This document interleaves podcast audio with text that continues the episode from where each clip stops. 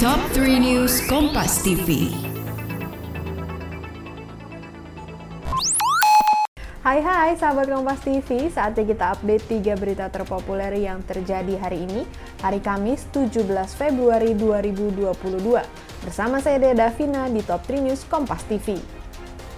Berita yang pertama, sahabat Kompas TV, Hakim menjatuhkan vonis 3 tahun 6 bulan serta denda 250 juta rupiah kepada mantan Wakil Ketua DPR RI Aziz Syamsuddin.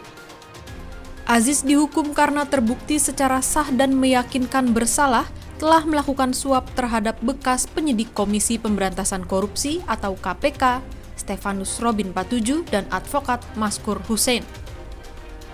Hakim juga menjatuhkan pidana tambahan pada Aziz berupa pencabutan hak untuk dipilih dalam pemilihan jabatan publik selama 4 tahun. Eits, sebelum kamu mendengarkan ini, jangan lupa ada podcast cuan, cari untung bareng teman. Obrolan di sini lebih seru, cara mengelola keuangan, investasi, hingga bisnis. Setiap hari Rabu jam 10 pagi, hanya di Spotify. Ingat ya, jangan lupa, podcast cuan ini dipersembahkan oleh Motion Radio dan KG Media. Sahabat Kompas TV, hari ini banjir melanda sejumlah titik di kawasan Jabodetabek, salah satunya di Kota Bekasi. Berikut liputan selengkapnya untuk Anda. Banjir terjadi, termasuk di Kota Bekasi.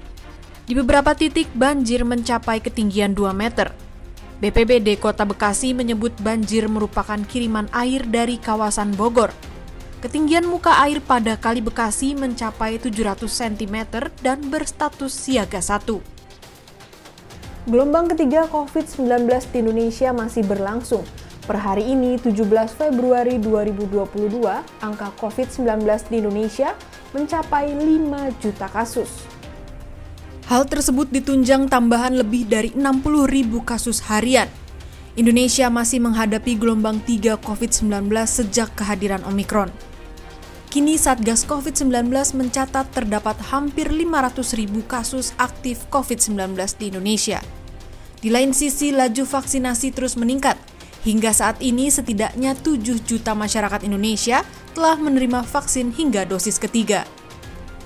Sahabat Kompas TV, itu dia tadi tiga berita terpopuler yang terjadi hari ini. Sekarang saatnya saya, Dea Davina, pamit undur diri. Sampai ketemu lagi di Top 3 News selanjutnya.